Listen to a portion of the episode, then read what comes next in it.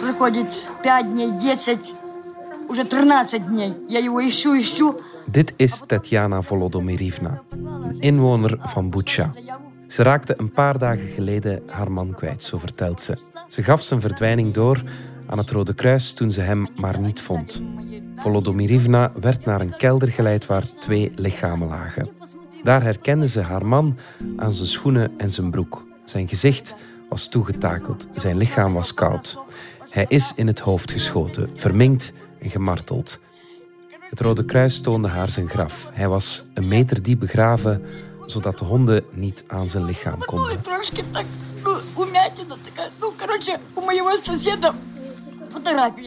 Bucha was tot dit weekend een anoniem stadje ten noorden van de Oekraïnse hoofdstad Kiev. Nu kent de wereld het als de plaats waar honderden burgers genadeloos werden afgeslacht door het Russische leger. President Zelensky noemt het een genocide. Wat zijn de spelregels van de oorlog in dit conflict nog waard? Het is woensdag 6 april. Ik ben Alexander Lippenveld en dit is vandaag de dagelijkse podcast van de Standaard.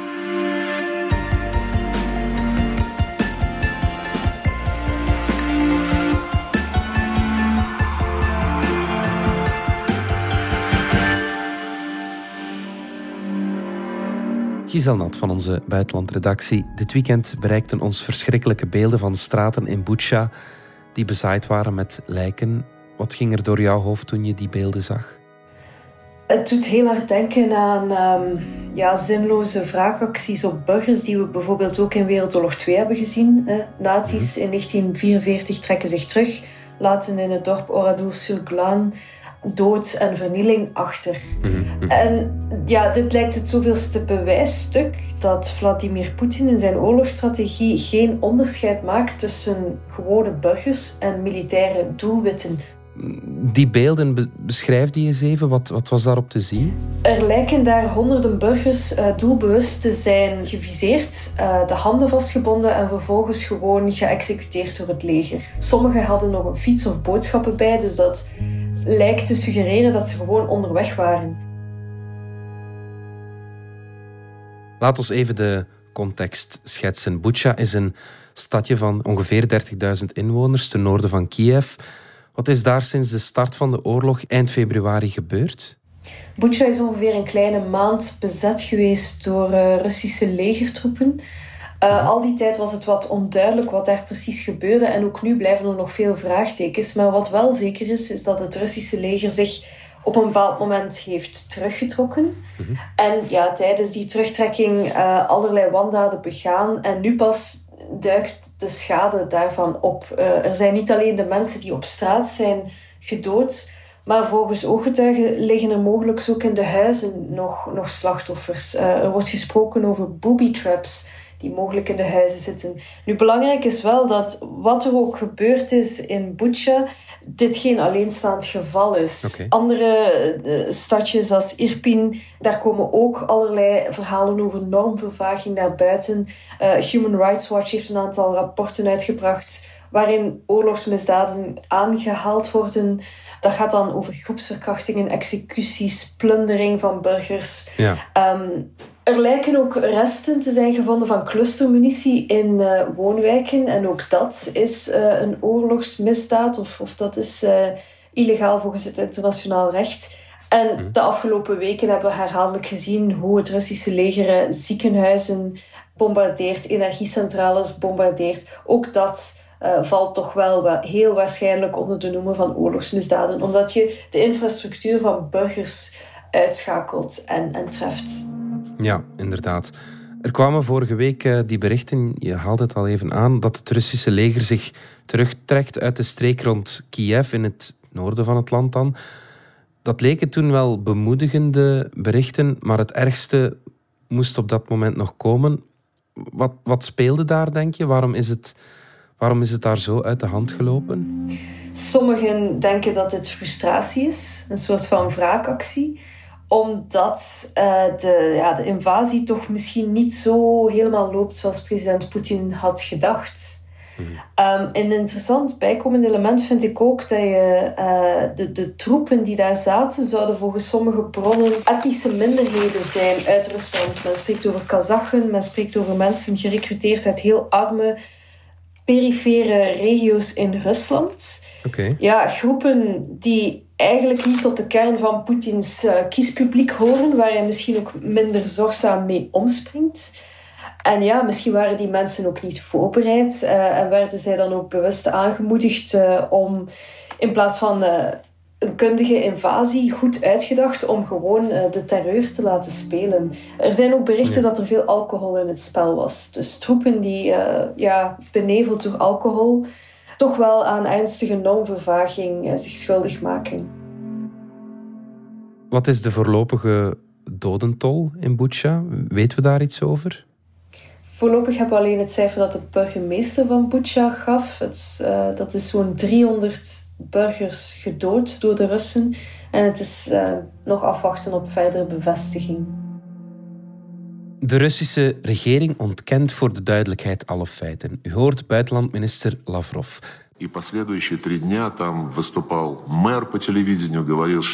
Na de terugtrekking, zegt hij, komt de burgemeester van Bucha op tv zegt hij dat het leven weer normaal zou worden, zonder dat er lijken op straat lagen. Drie dagen later is dat wel zo en alles lijkt in scène gezet. Dat zegt Lavrov.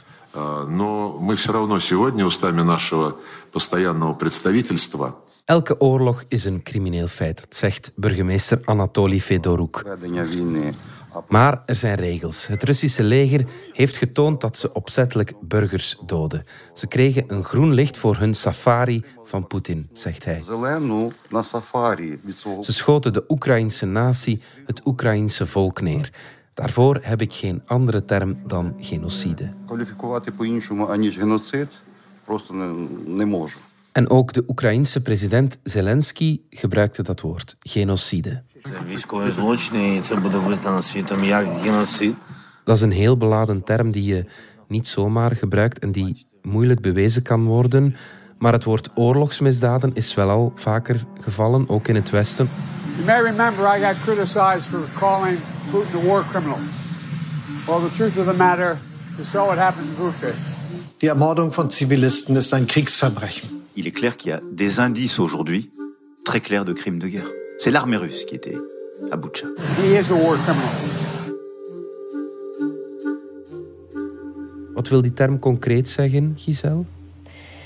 Heel veel zaken kunnen als oorlogsmisdaad gelden. Het, het moeilijke eraan is dat um, de definitie van een oorlogsmisdaad een beetje verspreid zit onder verschillende verdragen. Mm -hmm. Je hebt de, de Conventie van Genève, dat bestaat uit vier delen en een aantal extra protocollen. Daar staan een paar zaken gedefinieerd. En daarnaast heb je nog een aantal specifieke verdragen over bijvoorbeeld uh, biochemische wapens en clustermunitie.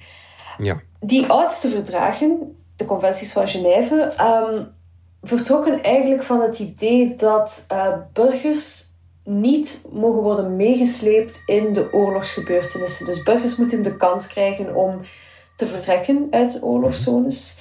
Uh, ze mogen niet geviseerd worden. Um, ze moeten duidelijk maken van wij vechten niet mee. Maar eenmaal dat dat vastgesteld is, ja, moeten zij vrij kunnen vertrekken. Ja. Uh, de conventies hebben het ook uitgebreid over wat je doet met um, krijgsgevangenen of hoe je uh, verzorging naar soldaten op het, op het slagveld brengt. Dat soort zaken. Ja, ja, en is die conventie dan ook erkend door Rusland? En vooral, is dat ook hoe Poetin naar oorlog kijkt? Ja, toen uh, na Wereldoorlog 2 die vier conventies van Genève geüpdate werden en voorgelegd aan alle landen ter wereld. Uh, op dat moment heeft ook uh, de toenmalige Sovjet-Unie zich daarmee akkoord verklaard. Um, okay. Maar het feit is natuurlijk dat je Poetin de laatste jaren in Tsjetsjenië, in Syrië en zeker ook nu in Oekraïne toch wel ziet terugkeren naar misschien ja, de oudere opvattingen over hoe oorlog mag gebeuren. Je moet beseffen, die conventies zijn echt iets heel unieks in de geschiedenis. Dat is een soort van afspraak die met veel moeite, met veel denkkracht, met veel conferenties langzaam werd opgebouwd om dan uiteindelijk na Wereldoorlog 2 zo'n beetje de gouden standaard te worden. Mhm. Maar voor het grootste deel uh, van de periode voor de late 19e eeuw verliep oorlog volgens compleet andere spelregels. En had je eigenlijk ja, veroveringsoorlogen, waarbij mhm. burgers geen toevallig eh, nevenschade leden, maar gewoon bewust doelwit waren van de oorlogsvoerende partij. Denk aan uh, Genghis Khan en, en zijn Mongoolse legers die niet alleen gebied innemen, maar daar ook de burgers gaan bestraffen, executeren, uh, bang maken enzovoort, totdat die zich schikken in hun onderwerping. En dat is een norm van oorlogsvoering die, die men eind 19e eeuw probeert aan te passen en in verdragen te gieten. Uh, de eerste aanzet daartoe komt met uh, een Zwitser, Henri Dunant, die mhm. geschokt is door wat hij ziet op, op het Europese slagveld van Solferino. En die vindt, ja, maar we moeten toch regels hebben over hoe verplegers en dokters naar soldaten kunnen gaan, want anders liggen die daar gewoon te sterven op het slagveld. En dat was in een periode dat veel ja, landen dat ook de normaalste zaak ter wereld vonden. Er waren zelfs uh, legers die hun troepen lieten verkleden als uh, medische ploeg om zo door te dringen in vijandelijke linies en zo nog een extra slag toe te brengen aan hun tegenstanders. Dus dat was een heel moeilijk, heel langdurig proces om een paar normen uh, in te voeren. En ja, op dit moment lijkt Poetin toch wel terug te keren naar het type oorlogsvoering waarbij militair of burger, het maakt op zich niet uit. En blijft er vandaag dan niets meer over van die spelregels van de oorlog, zeg maar, als een grootmacht als Rusland dat met de voeten treedt? Ja, sommige waarnemers zeggen het feit dat wij vandaag allemaal zo in shock zijn en het feit dat Rusland zo hard gestraft wordt met sancties, dat is een bewijs dat die internationale norm nog steeds geldt en nog steeds invloed en legitimiteit heeft. Dus die norm is niet dood. Mhm. Wat wel onrustwekkend is natuurlijk, is dat ja, een grootmacht, een nucleaire grootmacht, uh, en bovendien permanent lid van de VN-veiligheidsraad, inderdaad zoiets heeft van die conventies uh, en dat traditionele humanitaire recht. Ik trek mij daar even niets van aan. Het gevaar is dat als er nu geen zware of onmiddellijke bestraffing komt, um, ja, dat dit een soort van precedent zet en dat, dat anderen dat voorbeeld zullen volgen en dat dus op termijn die conventies en die normen echt wel gaan afbrokkelen. En hoe ga je dat dan bestraffen, die, die oorlogsmisdaden? Traditioneel eh, komt het aan het internationaal strafhof in Den Haag toe om, om dit soort misdaden uh, te onderzoeken.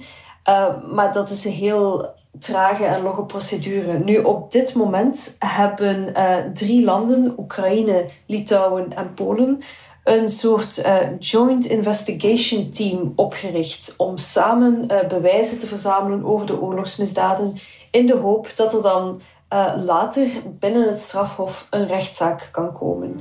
En dus dat, dat team is nu al aan de slag en de verwachting is toch wel dat uh, andere westerse uh, landen zullen meewerken met dat team. Uh, de commissievoorzitter van der Leyen heeft ook net haar steun betuigd voor dat Joint Investigation Committee. Dus die bal is aan het rollen. Oké. Ja, of dat daarmee dan effectief ook tot een proces komt, is, is natuurlijk een heel ander verhaal. Het strafhof werkt heel traag, dat, dat weten we al jaren.